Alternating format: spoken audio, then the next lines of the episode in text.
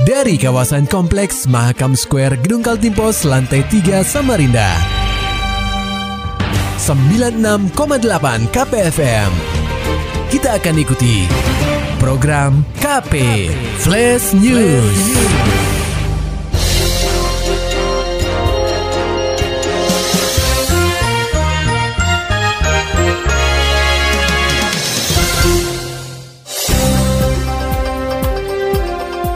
Anda sedang menyimak program KP Flash News bersama saya Agung Pratama. Pendengar KP proyek pembangunan terowongan Samarinda sudah mencapai 19 persen. Laporan selengkapnya akan disampaikan reporter KPFM Samarinda, Muhammad Nur Fajar. Pendengar KP, proyek terowongan Samarinda yang menghubungkan Jalan Sultan Alimuddin dan Jalan Kakap masih terus berjalan. Proyek garapan Pemkot Samarinda melalui Dinas PUPR ini bertujuan untuk memecah kemacetan yang terjadi di Jalan Otto Iskandar Dinata, tepatnya di kawasan Gunung Mangga dan Pasar Sungai Dama. Project Manager Terowongan Samarinda, Danang Hadiat Moko memaparkan, proyek ini mulai terlaksana pada akhir Desember 2022 dan menelan anggaran sebesar 395 miliar rupiah serta ditargetkan selesai pada akhir Desember 2024 mendatang. Sampai saat ini, kata Danang, pihaknya tengah melakukan penggalian dan shotcrete lereng inlet untuk mencegah terjadinya longsor. Perkembangan pembangunan terowongan dengan panjang 400 meter dan lebar 11 meter ini total sudah mencapai 19% dengan panjang terowongan yang dikerjakan mencapai 55 meter.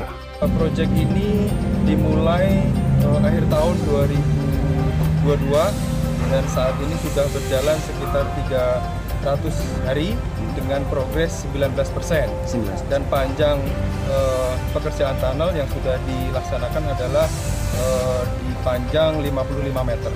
Jadi proyek ini uh, diharapkan akan selesai di ta akhir tahun 2024. Dan yang menambahkan, sejauh ini pihaknya belum menemukan kendala dalam proyek pembangunan terowongan ini, baik dari aspek sosial maupun aspek teknis. Ia berharap proyek terowongan ini bisa selesai tepat waktu, sehingga mampu memecah kemacetan kendaraan di kawasan Sambutan dan sekitarnya. KPFM Samarinda, Muhammad Fajar melaporkan. Sementara itu pendengar KP tepat di hari terakhir batas pengumuman, Pemprov Kaltim menyampaikan besaran upah minimum kabupaten dan kota atau UMK Sekaltim tahun 2024. Pada Kamis 30 November 2023 di ruang VVIP Rumah Jabatan Gubernur Kaltim.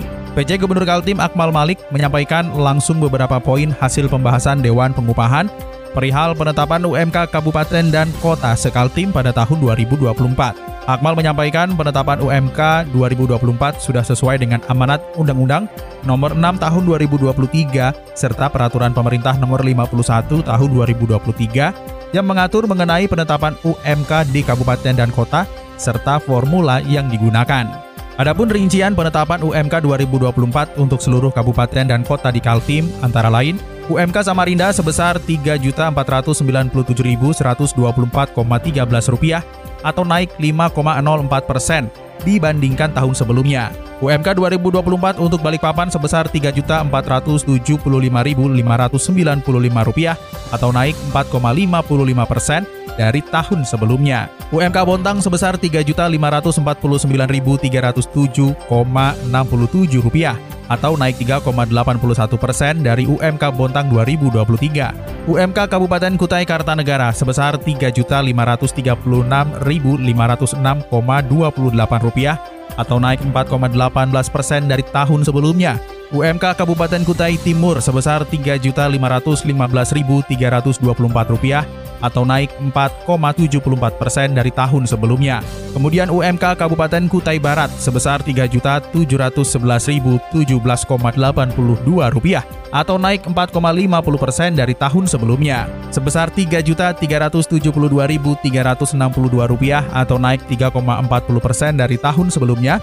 UMK Kabupaten Penajam Pasir Utara sebesar Rp3.718.817,74 atau naik 4,35 persen dari tahun sebelumnya. Terakhir, UMK Kabupaten Berau sebesar Rp3.832.297 atau naik 4,26 persen daripada tahun sebelumnya.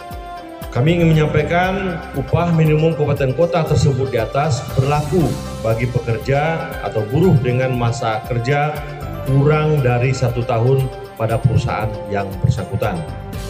Pekerja atau buruh dengan masa kerja kurang dari satu tahun yang memiliki kualifikasi tertentu yang dipersyaratkan yang dipersyaratkan dalam jabatan dapat diberikan upah lebih besar dari upah minimum.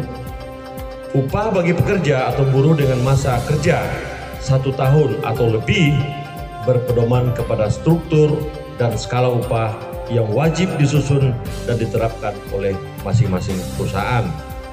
Lebih lanjut, Dirjen Otonomi Daerah Kemendagri ini menegaskan UMK 2024 yang telah disebutkan akan mulai berlaku pada 1 Januari 2024 mendatang. Kita beralih ke kabar ekonomi pendengar RKP. Ekonomi Kaltim Baik Hendrik Sudaryanto mengatakan inflasi pangan perlu diwaspadai. Laporan selengkapnya disampaikan reporter KPFM Samarinda Maulani Al-Amin. Pendengar KP, pertumbuhan ekonomi Kaltim di triwulan 3 tahun 2023 sebesar 5,29 persen, mengindikasikan ekonomi Kaltim baik. Secara kumulatif, pertumbuhan ekonomi Kaltim di tahun 2023 bisa pada angka 5 hingga 6 persen. Hal ini disampaikan Deputi 1 Kepala Bank Indonesia Perwakilan Kaltim, Hendik Sudaryanto, dalam pertemuan tahunan Bank Indonesia Kaltim tahun 2023, Rabu 29 November di kantor Bank Indonesia. Menurut Hendik, inflasi yang disebabkan naiknya bahan pangan karena meningkatnya permintaan perlu diwaspadai sejak bulan Desember karena berkaitan dengan hari besar Natal dan Tahun Baru dan pemenuhan pangan di Kaltim masih sangat tergantung dari pasokan luar daerah.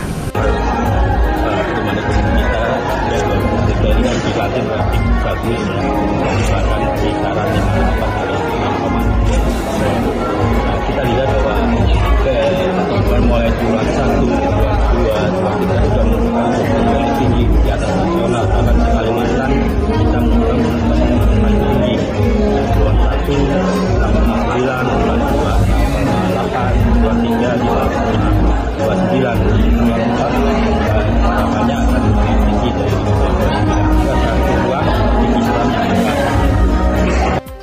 Mulai tahun 2024 inflasi karena faktor bahan pangan juga perlu diwaspadai karena meningkatnya pertumbuhan penduduk sebagai dampak dari intensifnya pembangunan di IKN.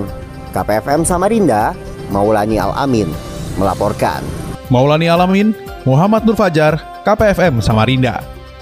Serta dapatkan berita-berita selengkapnya di www.968kpfm.co.id. Demikian tadi telah kita simak rangkaian berita-berita yang terangkum dalam program KP Flash News. Persembahan dari 96,8 KPFM. Terima kasih dan sampai jumpa.